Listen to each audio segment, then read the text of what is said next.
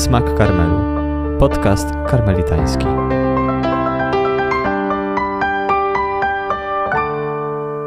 Witajcie w kolejnym odcinku. Będzie to odcinek biblijny. Tym razem zatrzymamy się dłużej nad Pismem Świętym i różnymi zagadnieniami, które w nim możemy znaleźć, a chodzi o zagadnienia dotyczące człowieka. Kwestie tego, co Pismo Święte mówi o człowieku, najpierw w ogóle kim jest człowiek i później co jeszcze możemy o nim powiedzieć, będzie nam wyjaśniał ojciec Andrzej Cekiera, biblista, obecnie konwentualny w Przemyślu. Witamy. Szczęść Boże, witam serdecznie. Jest z nami też ojciec Marcin Fizia, współprowadzący ten podcast. Witam serdecznie. No więc przejdźmy może od razu do rzeczy. Y, to kim właściwie jest człowiek według Pisma Świętego? No, pępek świata, można tak powiedzieć. No nie chodzi o to, żebyśmy e, jakoś kręcili się wokół siebie, ale jednak no, Pan Bóg w tej perspektywie stworzenia szczególne miejsce człowiekowi przewidział.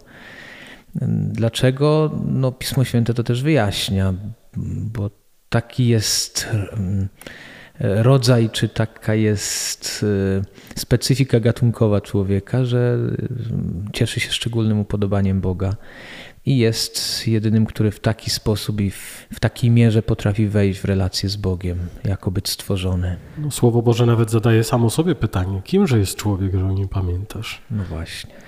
No faktycznie, jeśli popatrzymy na teksty biblijne, to jest to w zasadzie wyłącznie historia ludzi. Zwierzęta pojawiają się tam jakoś epizodycznie albo w jakiejś roli zupełnie podrzędnej, nie mówiąc już o roślinach. No całe stworzenie jest stworzone przez Boga właśnie dla człowieka, więc tworzy tło historii relacji Boga z człowiekiem. Mhm. A skąd taka wyjątkowa pozycja człowieka? Bo jeśli wejdziemy w nauki biologiczne, chociażby ewolucyjne, no widać pewną wyjątkowość, że człowiek ma pewne cechy, których gdzie indziej nie znajdziemy, albo nie znajdziemy ich w takim stopniu, no ale jednak człowiek y, ukazuje się jako pewien element szerszej całości, element może w jakiś sposób wyróżniony, ale jednak wpisany w tą całość bardzo ściśle, nie wyróżniający się z niej aż tak bardzo. W Piśmie Świętym ta wizja jest inna. Z czego wynika ta inność? No, sięgamy do tych tekstów e, znowu początku e, Księgi Pisma Świętego, z Księgi Rodzaju.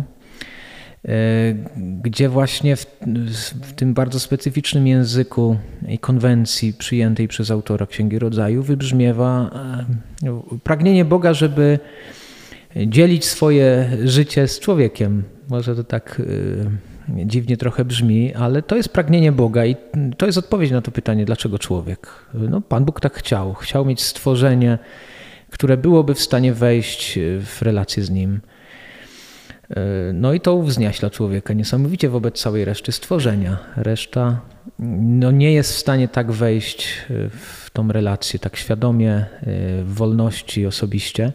Zresztą e, potem podzieli się tym pragnieniem z człowiekiem, bo i mężczyzna będzie szukał osoby w tym wymiarze takim horyzontalnym też, która będzie w stanie wejść w relację z nim, no, drugiej osoby ludzkiej. Która będzie odpowiednia. Odpowiedniej pomocy, tak, mówi Pismo Święte, ale która przede wszystkim będzie w stanie wejść w dialog, w dialogiczność i, i w taki namysł wzajemny nad sobą. No, pięknie to pismo tak literacko ujmuje. No, to Księga Rodzaju mówi o tym, że jesteśmy stworzeniami, to jest jasne, ale daje taką pewną szczególną kategorię człowiekowi i mówi, że został stworzony na obraz i podobieństwo. Co to może oznaczać? Y, no niektórzy próbują widzieć tu raczej tak na zasadzie synonimów, jako pewien sposób no, wyjaśnienia, że coś nas różni od, y, od reszty stworzenia, od, y, od zwierząt przede wszystkim, a coś nas upodabnia do Boga. Wiadomo, że jest różnica między Bogiem a człowiekiem. Chociażby nawet i w tym nazewnictwie obraz i podobieństwo to jest jakieś odwzorowanie, więc to nie jest oryginał. W sensie człowiek nie jest Bogiem, ale nosi pewne cechy Boga. Niektórzy próbują w obrazie widzieć pewną taką zewnętrzną warstwę podobieństwa do Boga. No, ciekawy otwiera się wątek, bo są i bibliści, którzy sugerują tu pewną fizyczność, którą mielibyśmy nosić Boga. Wiemy, że Bóg jest duchem, natomiast bardzo ciekawy wątek właśnie związany z, z, tajemnicą wcielenia, że może nawet obecny ojców Kościoła e, w takim przekonaniu, że kiedy Pan Bóg stwarzał człowieka, to wpatrywał się w Chrystusa. Wiadomo, że dla nas tajemnica wcielenia jest historycznym momentem, Natomiast no, odwieczny logos. Nie chcę tego wątku tak y, rozwijać, bo też nie o to chodzi, ale właśnie, żeby spróbować zrozumieć, co to znaczy obraz. No celem, y, po hebrajsku celem. Właśnie y, pewna taka warstwa zewnętrzna bardziej wybrzmiewałaby tu, bo to słówko zazwyczaj jest używane na określenie y, posągów, rzeźb, więc pewna, pewne takie fizyczne odwzorowanie patrzymy na oryginał i odwzorowujemy. I drugie słowo demut to bardziej chodziłoby o takie wewnętrzne cechy. Niektórzy tak próbują to ująć, pewne takie cechy moralne, właśnie duchowość. W tym, co powiedzieliśmy na samym początku, wybrzmiało, przynajmniej tak to odczytałem, że tym, co wyróżnia człowieka spośród świata przyrody, spośród świata zwierząt, jest zdolność do wchodzenia w relacje. W relacje bardzo specyficzne, w relacje powiedzielibyśmy, no właśnie, osobowe e, z człowiekiem i z Bogiem.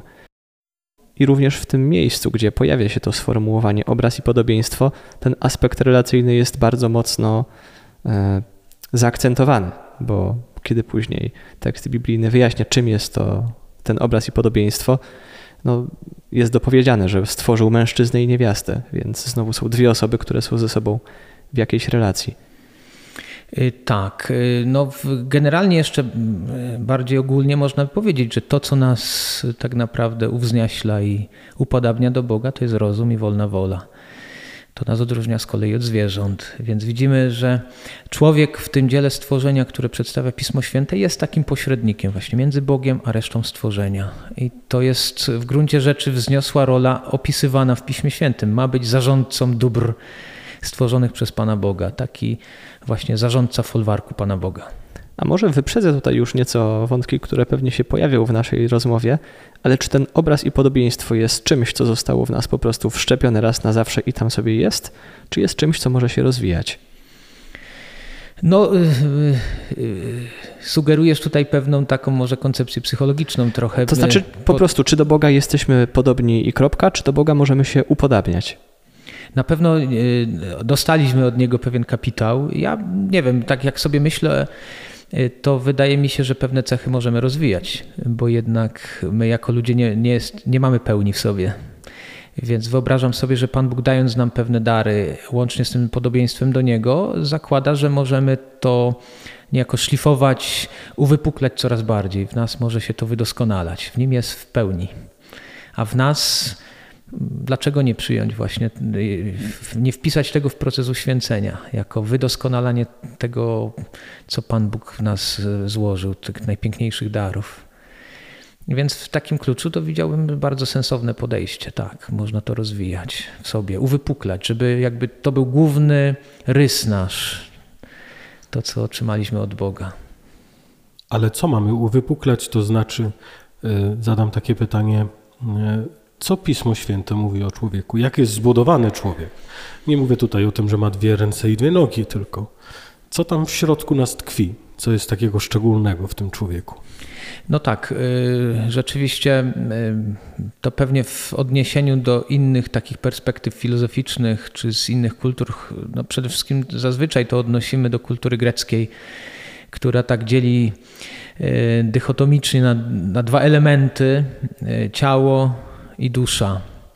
Dwa takie elementy, które jeszcze gdzieś najczęściej się zwalczają, są sobie przeciwne z tych idei platońskich, że ciało jest jakimś zniewoleniem dla duszy i, najlepiej, żeby się pozbyć tego ciała. I pewnie nieraz nas pracuje, zwłaszcza w kontekście doświadczania pewnej swojej grzeszności, doświadczenia nieposłuszeństwa ciała. E, nieraz tak wpadamy w tory takiego myślenia.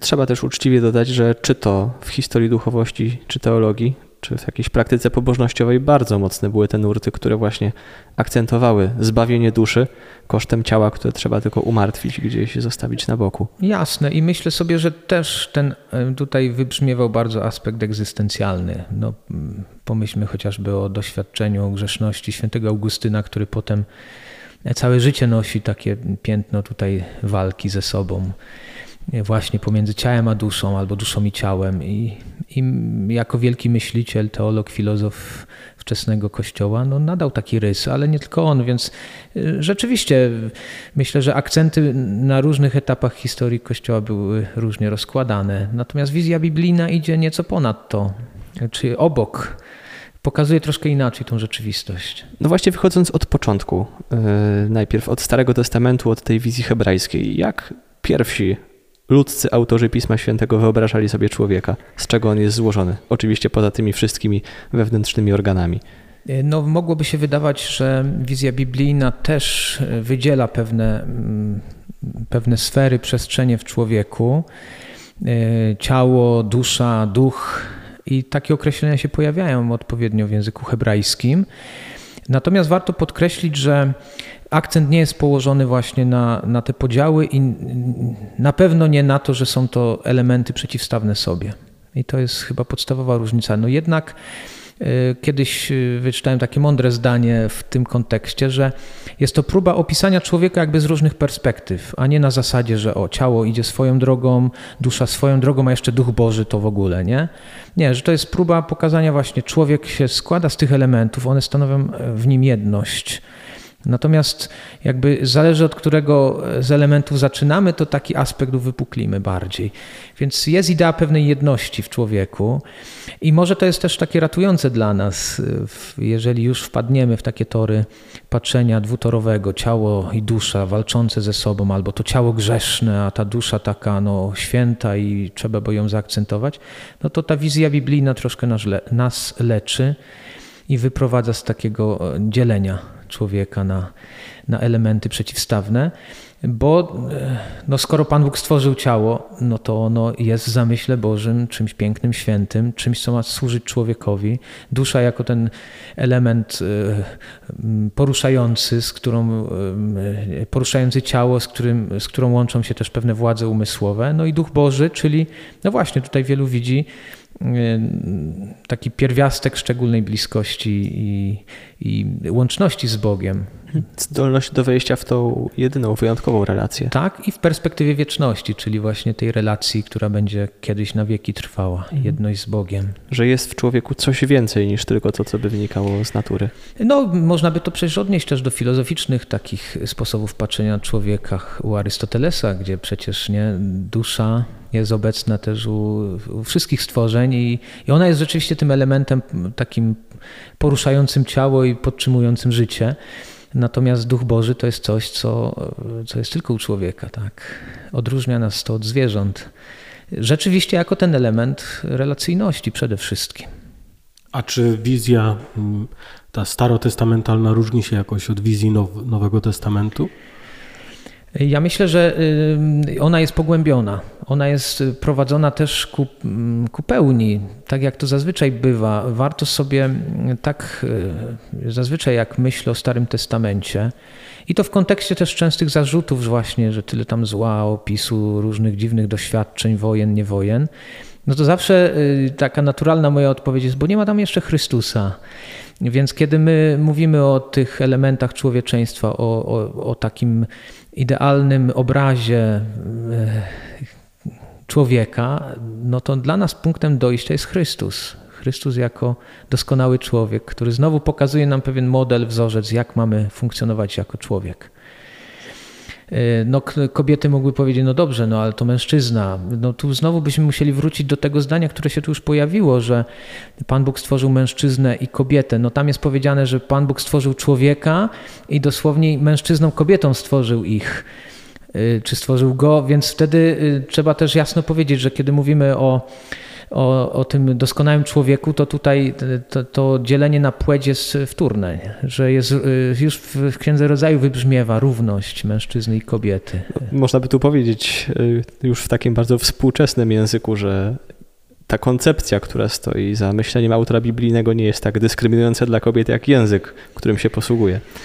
No tak, bo my rzeczywiście, no, Słowo Boże jest wyrażone konkretnym językiem i naszymi kategoriami, więc mm, bogactwo objawienia Bożego, tego, tego, co Pan Bóg chciałby o sobie powiedzieć, no jest zawarte w ułomnym naszym języku.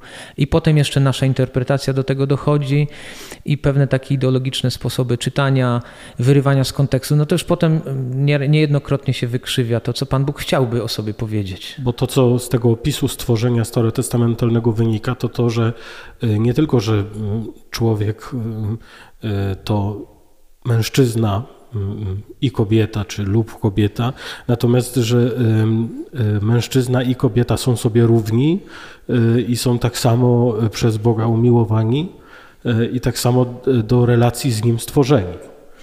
Nieraz się mówi tak przy okazji ślubów, że o, ktoś znalazł swoją drugą połówkę. I to jest taki język właśnie znowu bardzo ograniczony nasz. No, Pismo Święte pokazuje, że właśnie człowiek stworzony, potem czy to mężczyzna, czy kobieta, on nosi w sobie no, pełnię podobieństwa do Boga. Niektórzy sugerują, że no, jeżeli to jest połówka, no to znalazł swoją drugą połówkę i wtedy jest pełnia. No nie, no jednak każdy człowiek jest w sobie e, ukochanym, zamierzonym przez Boga no, pewną miarą właśnie człowieczeństwa, gdzie na pewno nie wybrakowaną. O, żeby unikać jakby takiej tutaj koncepcji, że o, właśnie człowiek jest łomny, bo potrzebuje drugą połówkę. No, mówię o tym, bo nieraz się tak, takie pojawiają dziwne e, sposoby patrzenia na człowieka, na mężczyznę, kobietę. Myślę, że to jest też bardzo ważne, żeby podkreślić, bo może też się pojawić pytanie, skoro Chrystus wcielił się jako mężczyzna i jest to tylko jakaś połowa człowieczeństwa, no to wtedy pojawia się pytanie, czy zbawił tylko tą męską połowę, w którą się wcielił, co z kobietami. Myślę, że dlatego też jest ważne, żeby podkreślić, że Chrystus po prostu stał się człowiekiem i dlatego odkupił wszystkich ludzi, i mężczyzn, i kobiety, bez żadnej różnicy.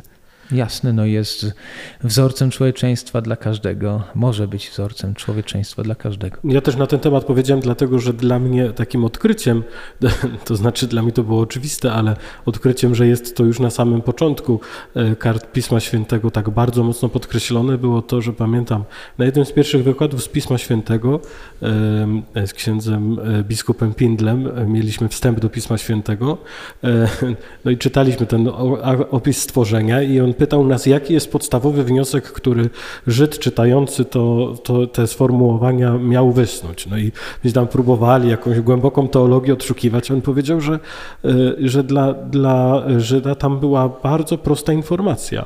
Mężczyzna i kobieta są sobie równi, ponieważ są stworzeni przez tego samego Pana Boga. Nie?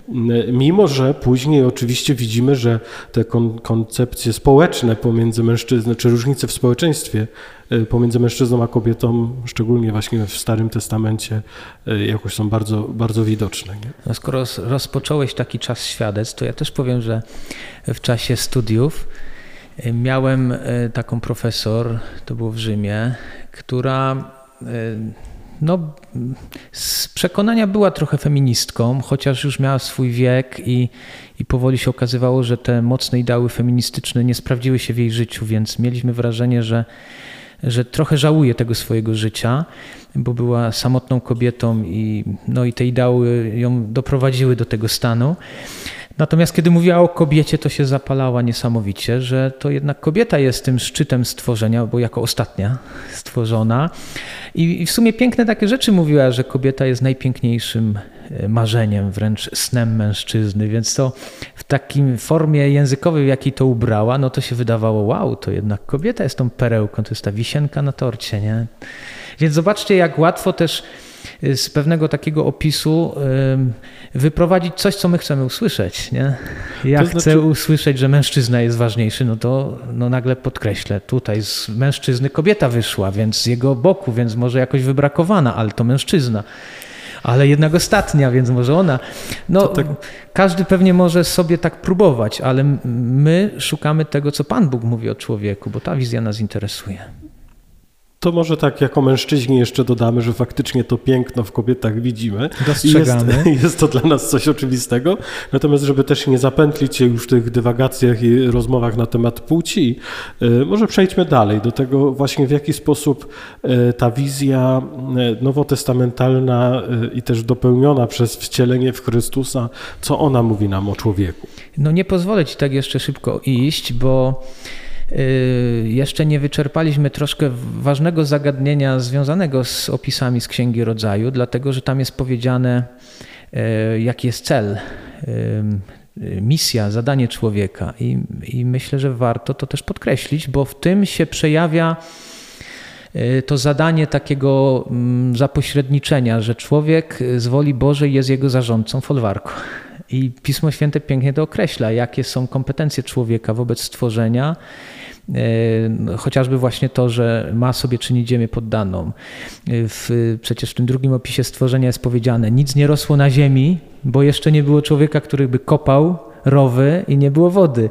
Więc są takie piękne obrazy, bardzo jak to nazwać, egzystencjalne, czy takie nieabstrakcyjne, bo pamiętajmy, że język hebrajski, czy w ogóle mentalność semicka bardzo nie lubi abstrakcji, więc jak myśli o Bogu, no to może nie dziwi trochę, że pewne kategorie ludzkie się pojawiają. Chociaż ostatnio takie zdanie też ciekawe wyczytałem, że to nie Pan Bóg jest antropomorficzny, czyli nie Pan Bóg nosi cechy człowieka, ale człowiek jest teomorficzny, czyli my nosimy cechy Boga i to jest też no, ciekawa definicja. Natomiast właśnie y, język hebrajski mentalny jest bardzo konkretna. Jeżeli jest pytanie, no, w jakim celu Pan Bóg stworzył człowieka, no to właśnie, żeby się zatroszczyło ziemię, kopał terowy, żeby nawadniał, żeby tu wszystko rosło, potem czynił sobie poddanym, czy nadał jakiś porządek.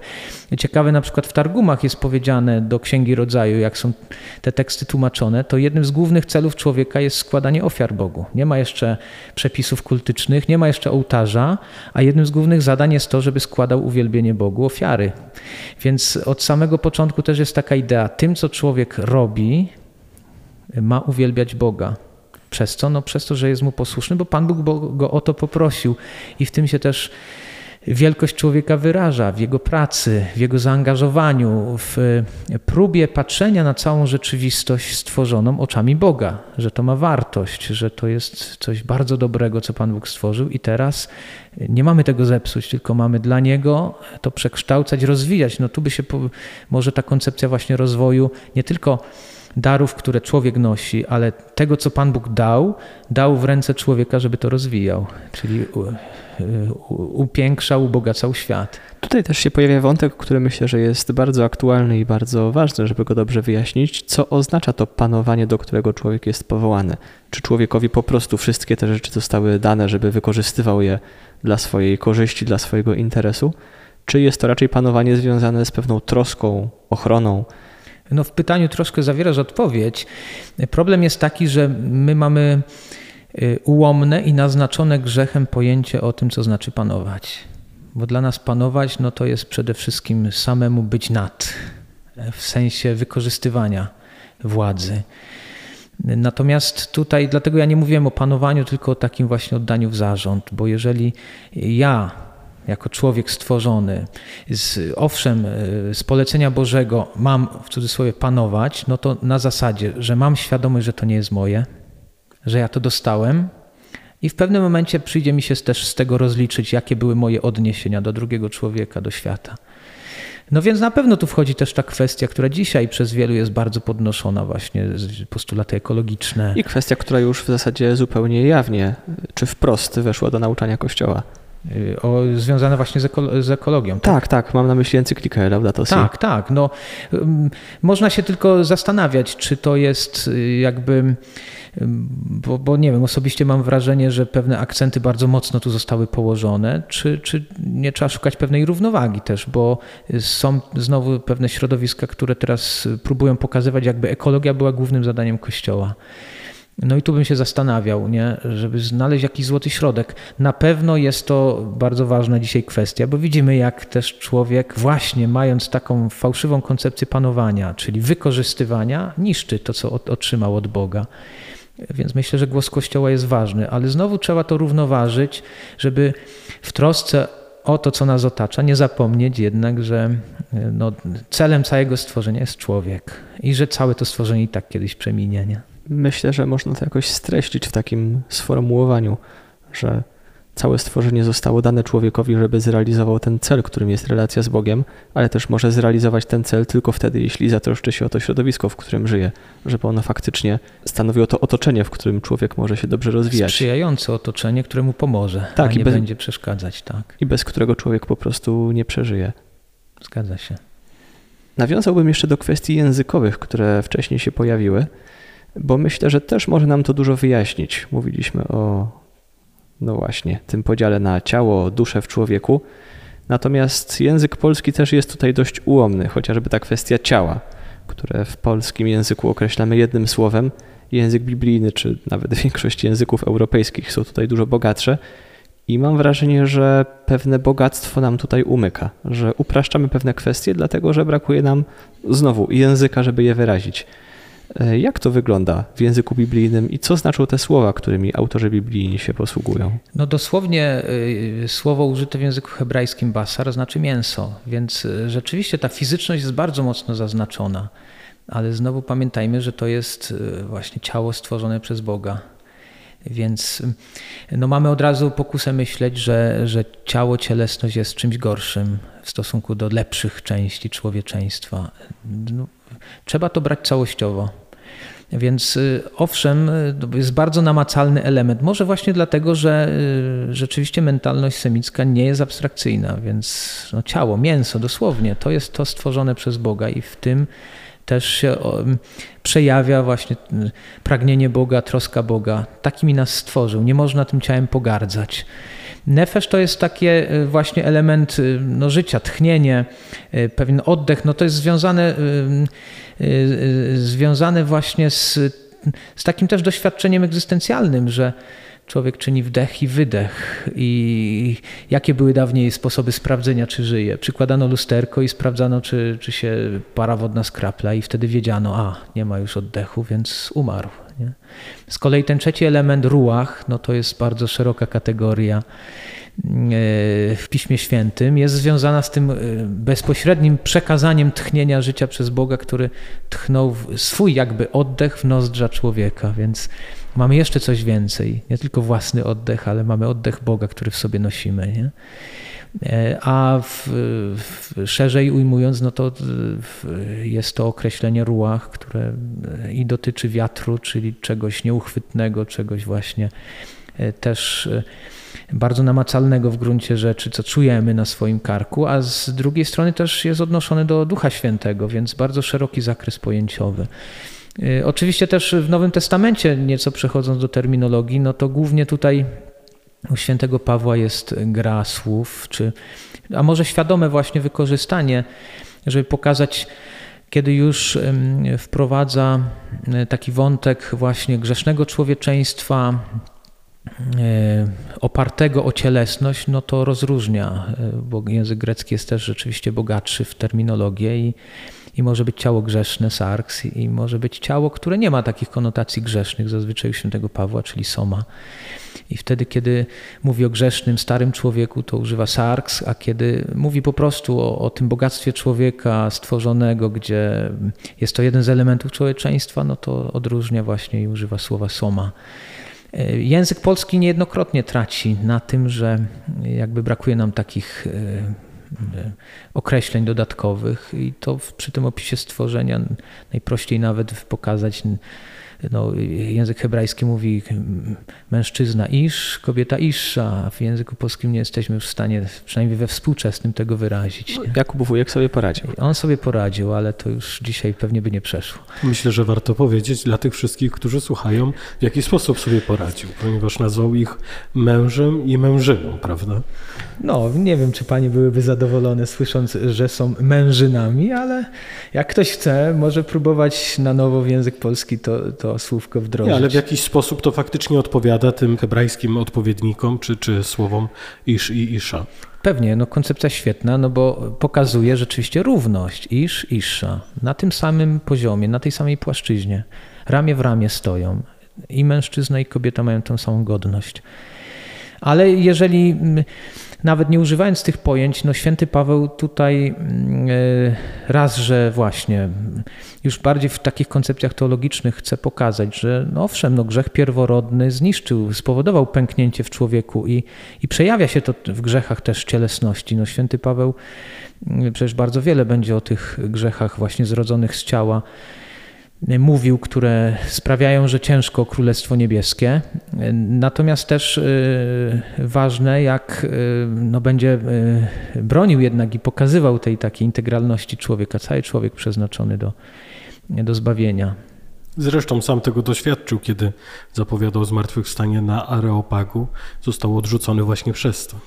No bo koncepcja zmartwychwstania no, u Greków to, to jakby zupełnie inna bajka, a u samych Żydów też bardzo przecież powoli dojrzewała. No tak, ale to właśnie y, został odrzucony właśnie przez to, że przedstawił koncepcję tego, że ciało nie jest tą y, złą gorszą częścią. i gorszą tak. częścią człowieka, tylko właśnie, że ono również doświadczy zbawienia na sobie. No więc mając trochę świadomości, może jeszcze wtedy nie miał, popełnił błąd po prostu retoryczny i nie powinien był im y, wszystkiego tego mówić za jednym zamachem. Tak, a później w Koryncie bardzo jasno, jasno mówi, że nie przychodzi już błyszcząc słowem. No, bo nie zabłyszczał. Także rzeczywiście no, y, myślę, że święty Paweł jest akurat tym, który no, może przez to też, że mamy najwięcej jego tekstów nowotestamentalnych y, poza Ewangeliami, więc najłatwiej też pewną taką teologię wczesnego Kościoła i pewne takie porządkowanie tutaj y, znaleźć, właśnie tych, tych wątków odniesień mężczyzny do kobiety. Mnie zawsze denerwuje, jak to jest wyrywane z kontekstu i Niejednokrotnie przy okazji ślubów czy przy okazji przygotowywania małżonków narzeczonych do, do ślubu y, bazuje właśnie na tekstach świętego Pawła, żeby pokazać, jak łatwo zmanipulować jego wypowiedziami. Zresztą wielu dzisiaj biblistów i, i, i uczonych w Kościele próbuje manipulować, mówiąc, że święty Paweł by to inaczej powiedział, gdyby dzisiaj żył, a to jest w ogóle nieuprawnione, bo my wkładamy w, święt, w usta świętego Pawła nasze interpretacje, on się nie może bronić. Znaczy broni się, bo tekst teksty są jasne, ale ktoś tego nie przyjmuje, chociażby właśnie o tej godności mężczyzny, kobiety. Kobiety będą mówić, kiedy usłyszą świętego Pawła, że mężczyzny, e, że kobiety mają być podporządkowane mężowi, kropka. No i jest wyrwane z kontekstu, a jest powiedziane, że mężczyzna ma szanować i, i, troszczyć się o kobietę. Więc jeżeli bierzemy taki obraz całościowy, nie wyrywamy z kontekstu, to święty Paweł jest bardzo spójny i myślę, że każdy z nas wierzących jest w stanie wyprowadzić wielką godność człowieka właśnie z Pisma Świętego. A jakie główne wątki można by wydobyć z tego właśnie nauczania świętego Pawła o człowieku? No na pewno e, właśnie, e, owszem, ta świadomość grzeszności człowieka, zresztą ten podział na, e, na grzeszne człowieczeństwo, czy cielesność grzeszną i taką niegrzeszną idzie też w kierunku, żeby pokazania, albo żeby pokazać, że jakby my znajdujemy pewien wzorzec nowego człowieczeństwa, bo idziemy już w kierunku też pokazania sposobu na odkupienie E, człowieka, a to odkupienie się dokonuje e, w Chrystusie. Nie Chrystusie, Logosie odwiecznym, który jest gdzieś tam niedostępny w niebie, tylko w Chrystusie wcielonym. Może wypadałoby właśnie konkretniej zadać to pytanie, zamiast co znajdujemy na temat człowieka u świętego Pawła, to najpierw i przede wszystkim, co o człowieku mówi nam Chrystus, czyli ten człowiek doskonały. Z jednej strony obraz Boga niewidzialnego, tu znowu pojawia się to słowo obraz, które mieliśmy na samym początku w opisie stworzenia. Z drugiej strony, no właśnie, ten, który stał się do nas podobny we wszystkim, oprócz grzechu. Więc znowu powiedziałbym, że nawet nie tyle, co nam mówi, tylko co pokazuje bo jest logosem wcielonym. Trochę też powiedział. No też, jasne, tutaj tak troszkę sobie tak żartujemy. Yy, na wesoło, ale chodzi o to, że mm, dla mnie koncepcja Chrystusa wcielonego, osobiście tak to odbieram, to jest przede wszystkim pewien wzorzec, który wszystkimi zmysłami można e, chłonąć. Nie? To jest nie, nie jakaś teoria, nie definicja, nie jakieś greckie opisy, nie wiem, abstrakcyjne, tylko to jest naprawdę wcielone, słowo wcielone, które możemy dotknąć, zobaczyć, usłyszeć, no, różnymi zmysłami chłonąć Chrystusa i, i też się przekonać, że Bóg się nie boi cielesności. No, to idzie pod prąd właśnie tych, tych lęków, że ciało jest gorsze. No, sam Bóg przyjmuje ciało słabe ciało małego dziecka, ciało, które wymaga troski, wymaga no, opieki ludzkiej. To jest no, niesamowita pokora Boga. Ciało, które ma swoje potrzeby też. Ciało, które ma potrzeby, ciało, które będzie cierpieć, które będzie zabite. I też Bóg, którego da się dotknąć, tak po prostu fizycznie. Też jest wiele opisów w Ewangeliach tego dotykania Jezusa przez różne osoby. Jasne, no ludzie szukają dotyku, ale Jezus też jakby nie, nie boi się dotykać ludzi, błogosławić, iść do tych, którzy najbardziej tego potrzebują, więc ten wymiar czy aspekt fizycznego kontaktu Jezusa z ludźmi jest bardzo ważny, ale to podkreśla właśnie, że Pan Bóg jest jakby bardzo mocno nastawiony na to, żeby odzyskać, wydobyć piękno tego, co sam stworzył, to też na, ciała. To na czym polega ta pełnia człowieczeństwa Chrystusa, o której też święty Paweł dokładnie w tych kategoriach pełni e, pisze sam przecież? Mówiąc o tej kategorii pełni, e, no używa też kategorii usynowienia czyli że godnością, jeżeli chcemy to już przenosić na nasze doświadczenie czy na nasze życie, Chrystus dzieli się godnością Syna Bożego z nami. I więc to, co w jakiś sposób może zostało stracone w raju. Ta bliskość, y, to takie mm, bezpośrednia relacja z Bogiem jest odzyskiwana w Chrystusie właśnie kiedy słyszymy, że stajemy się Jego dziećmi umiłowanymi na wzór Chrystusa. Mówi się tak czasami synowie w synu. Znowu y, myślę, że ta kategoria jest ważna, chociaż dzisiaj przez niektórych niezrozumiana, bo syn no to się kojarzy znowu z płcią męską, a tu chodzi o, o koncepcję usynowienia, nie wiem, czy pierworodnego, czy, czy no no w ogóle takiej bliskości właśnie jak ojciec z synem, więc panie niech się nie, nie denerwują. Możemy to powiedzieć, no dzieciństwo Boże, koncepcja dzieciństwa Bożego, którym e, Chrystus dzieli się z nami.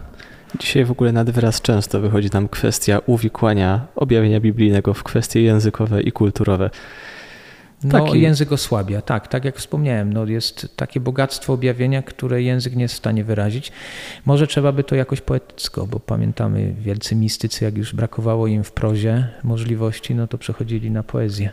Myślę, że ważne jest też nasze doświadczenie, które mamy, bo jeśli mówimy, że jesteśmy Bożymi dziećmi, to mamy ten obraz tego, co na przykład w naszej rodzinie znaczyło bycie dzieckiem. Jeśli mówimy, że Bóg jest Ojcem, od razu nasuwa nam się obraz naszego Ojca jak wydobyć Boga z tego obrazu, który nosimy w sobie po prostu z naszego doświadczenia. Co z niego możemy zaczerpnąć, a co wymaga oczyszczenia i co i w związku z tym, co faktycznie Pismo Święte chce nam powiedzieć.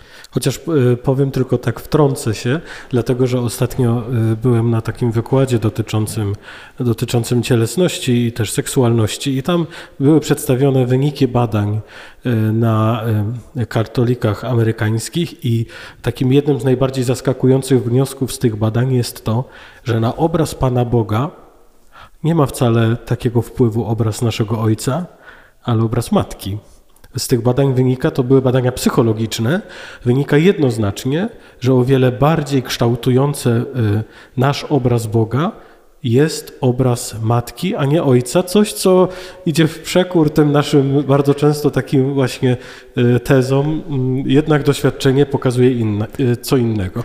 Natomiast e, to, to pytanie nadal jest ważne. Chciałem tylko się wtrącić i powiedzieć, że badania pokazują, że obraz matki też ma jednak ogromny wpływ. Dobrze, więc uwzględniając wkład amerykańskich naukowców, przeformułuję moje pytanie. E, jak zatem odczytać to objawienie biblijne w kontekście tych relacji, które po prostu znamy z naszego doświadczenia, z naszej przeszłości?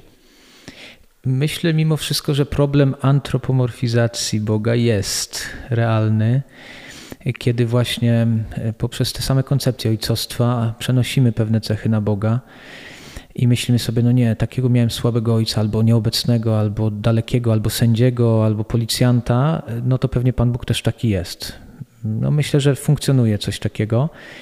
Y, pytanie, y, jaki my sobie możemy znaleźć na to sposób czy lekarstwo? Y, wydaje mi się, że to bardziej Pan Bóg znajduje sposób dla nas, bo nam siebie objawia. Więc kluczem paradoksalnie nie jest rezygnacja z tej relacji, tylko pogłębienie tej relacji i sprawdzenie.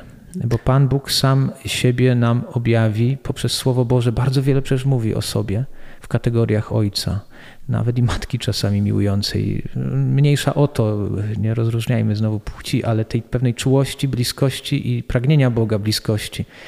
Więc wydaje mi się, że to jest chyba główny znowu problem, żeby nie pozostać na takich zewnętrznych przejawach i powiedzieć sobie, no nie, no on jest tak słaby jak mój ojciec i rezygnuje. Więc pytając może najprościej, kiedy Jezus zwraca się do swojego ojca, ojcze, czy wręcz po prostu tato, co chce nam powiedzieć? No przede wszystkim komunikuje, że taką bliską relację my też możemy mieć z Nim, bo nas zaprasza. Tak jak uczniów zaprosił do tej modlitwy, nauczył ich, naucz nas modlić się, no to właśnie uczy ich takiej bliskiej modlitwy. Patrzą na Niego, który y, nocami się modli, gdzieś y, na osobności rozmawia, więc widzą pewien model y, takiej naprawdę bliskiej, zażyłej relacji.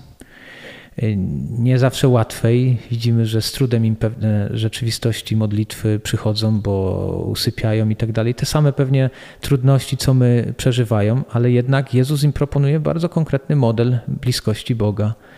Y, Bóg obecny, zaangażowany, z którym mogę porozmawiać. No owszem, no Jezus ma wyjątkową relację, bo On jest jedynym prawdziwym synem, my jesteśmy dziećmi adoptowanymi, jak to się mówi, więc y, dostajemy pewien spadek. Y, ale święty Paweł bardzo konkretnie mówi: za tym usynowieniem, za tym byciem dzieckiem y, ojca idzie dziedzictwo. Spadek. No, używa takich kategorii trochę prawniczych. Nie? Jest pewne bogactwo obdarowania, które się wiąże z tą naszą nową jakością, bo nie jesteś już niewolnikiem, ale jesteś synem i tobie się należy część dziedzictwa albo całe dziedzictwo. Już tam nie ma co wydzielać Panu Bogu. Należy ci się Królestwo Niebieskie, bo jesteś dzieckiem, a nie niewolnikiem. I tego nas uczy Jezus.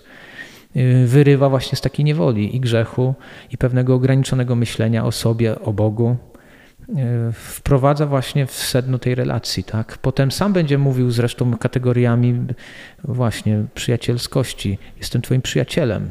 Ty jesteś moim przyjacielem, nie niewolnikiem.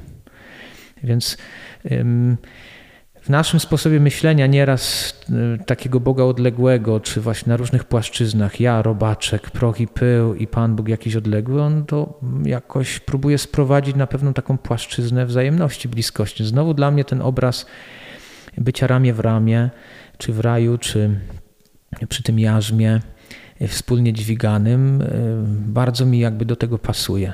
To jest Bóg, który no może kolejny raz przeżywa kenozę, bo sam rezygnuje z tego swojego, e, z tej swojej odległości i sam wchodzi w tą relację i nas do tego zaprasza, dźwigając nas na taką płaszczyznę, że możemy wejść nim, e, z nim w relację.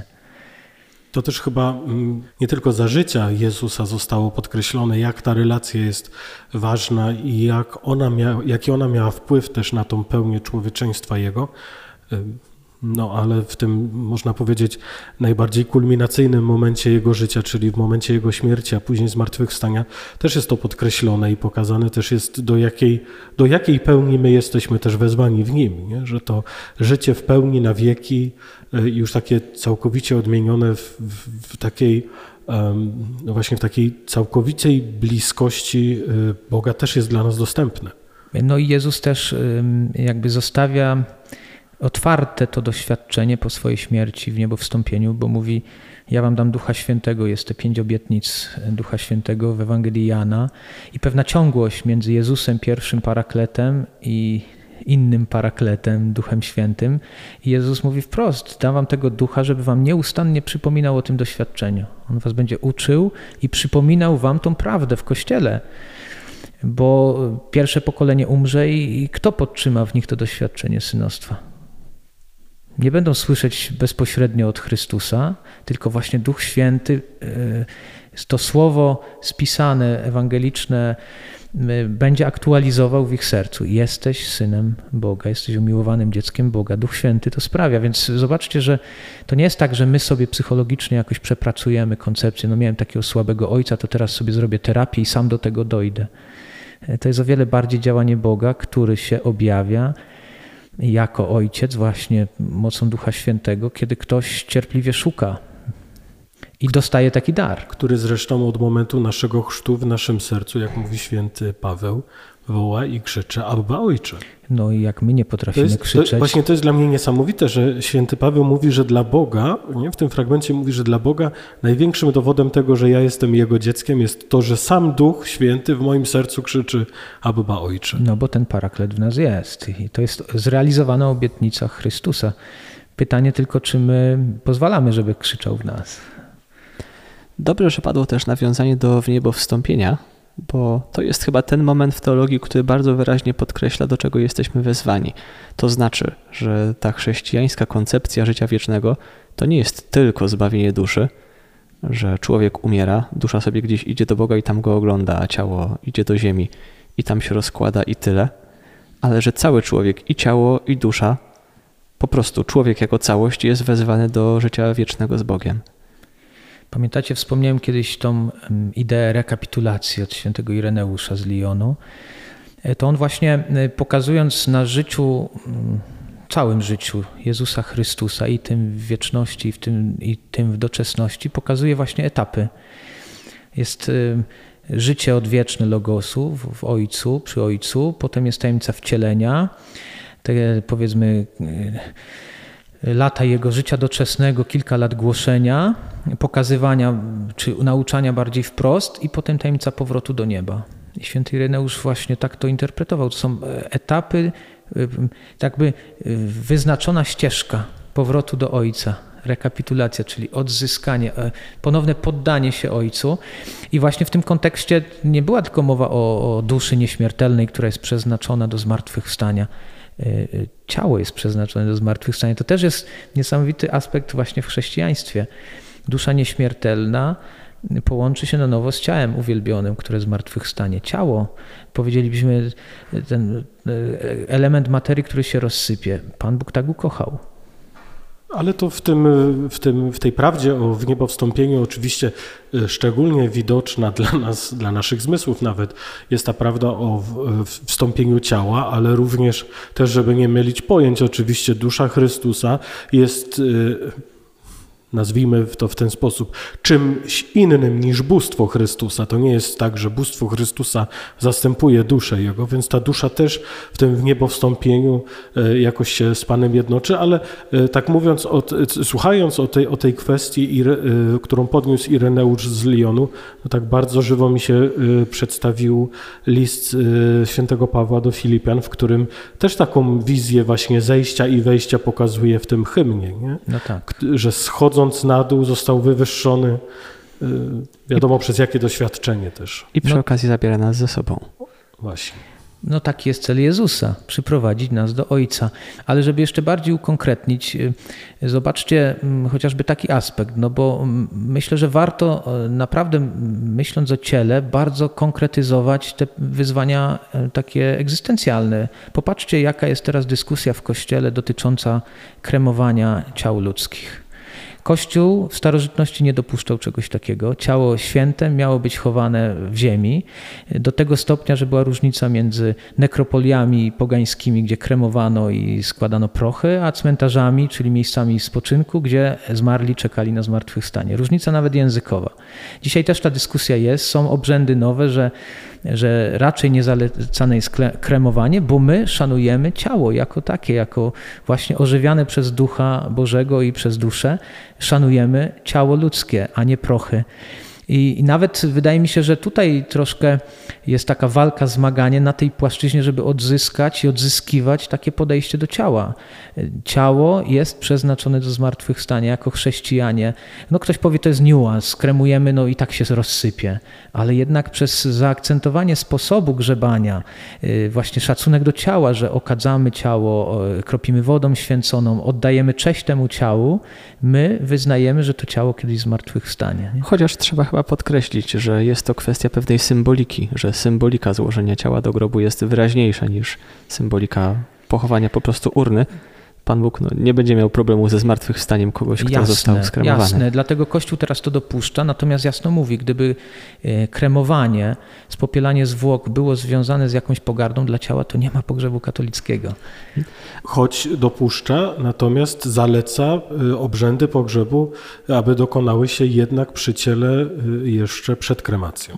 Zgadza się. I tutaj nasunęło mi się od razu pytanie, no bo jeśli ta pogarda dla ciała nie jest dopuszczalna po śmierci, no jak odnieść się do tej pogardy dla ciała, która często wyraża się za życia?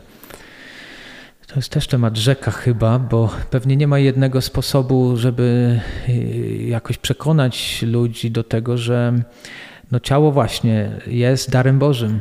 Y, ciałem, poprzez ciało, przyjmując ten dar, my też się możemy uświęcać. No, ciężko sobie wyobrazić konkretne sposoby uświęcania duszy, jeżeli w to nie jest zaangażowane całe nasze człowieczeństwo, czyli ciało. Konkretne postawy, konkretne wybory, które realizujemy w konkrecie, a nie w jakiejś abstrakcji. Nie? Więc y, święty Paweł od, od takiego odzyskiwania. Yy, godności ciała idzie właśnie w kierunku mówienia o nowym człowieczeństwie, nowa jakość człowieczeństwa, nowy człowiek. Tak jak Chrystus jest nowym Adamem, tak samo my mamy doświadczać nowego człowieczeństwa poprzez chrzest, poprzez E, życie ewangeliczne, my doświadczamy, że całe nasze człowieczeństwo się zmienia. E, w pewnym sensie zmartwychwstaje z grzechu do życia ewangelicznego. E, więc zobaczcie, że bardzo szybko święty Paweł od takiej wizji teologicznej, o proszę bardzo, jesteś nowym stworzeniem, jesteś synem Ojca, przechodzi do bardzo konkretnych postaw chrześcijańskich. I ktoś jak y, pozostanie na takiej abstrakcyjnej wizji, no jestem nowym stworzeniem, ale nie podejmie wysiłku też przełożenia tego w swoim konkrecie codzienności, życia na pewne postawy moralne, na pewne y, sposoby przeżywania siebie lepsze, no to prawdopodobnie nie osiągnie żadnego postępu. To jest zawsze bardzo konkretne, wcielone doświadczenie przemiany siebie, a nie jakieś teorie o świętość to znaczy, nie wiem, latanie nad, nad ziemią. Nie to jest to, że y, na przykład będziesz się częściej uśmiechał, czyli y, lepiej odnosił do drugiego człowieka, a więc używał swojego ciała, żeby komunikować przez język ciała Twoje pozytywne nastawienie, otwarcie na drugiego człowieka. Myślę, że dzisiaj jest tym spory problem. Bo zobaczcie, że największy problem y, z wybiórczością dotyczy właśnie pewnych postaw związanych z, z używaniem, w cudzysłowie, z funkcjonowaniem ciała, na przykład ludzkiej płodności.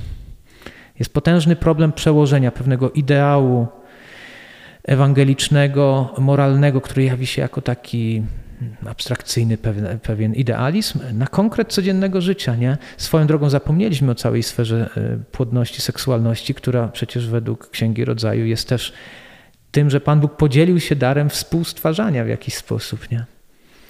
Myślę, że tu w ogóle otwiera się bardzo szeroki temat tego też, na ile jesteśmy właścicielami naszego ciała, w tym sensie, na ile jest ono po prostu czymś danym i zadanym, czym się opiekujemy, co stanowi naszą część, a na ile jest to coś, co po prostu możemy wedle naszego uznania kształtować. I tutaj no, bardzo dużo różnych y, kwestii można by wyciągnąć od. Czemu, czemu nie pomyśleć właśnie w takiej kategorii, skoro cały świat stworzony został nam dany, zadany, że jakby Jan Paweł II powiedział, jako materiał do przepracowywania, udoskonalania, to i nasze ciało zostało nam dane, użyczone jako dar Boży. I gdyby tak popatrzeć, ciało jako dar Boży, no rozumiem, troszkę otyłe, troszkę może niedoskonałe, po grzechu pierworodnym mówię o sobie. Więc y, nie zawsze może mi się podoba, jak patrzę w lustro, ale jednak zostało mi dane i towarzyszy mi przez te kilkadziesiąt lat y, uświęcenia, budowania Królestwa Bożego tu na ziemi. To nie, nie buduję tego Królestwa w ideach umysłowych, że sobie pomyślę, jakby to było fajnie, tylko albo je realizuję, albo nie realizuję w ciele, wcielone, konkretne, nie? przy użyciu ciała.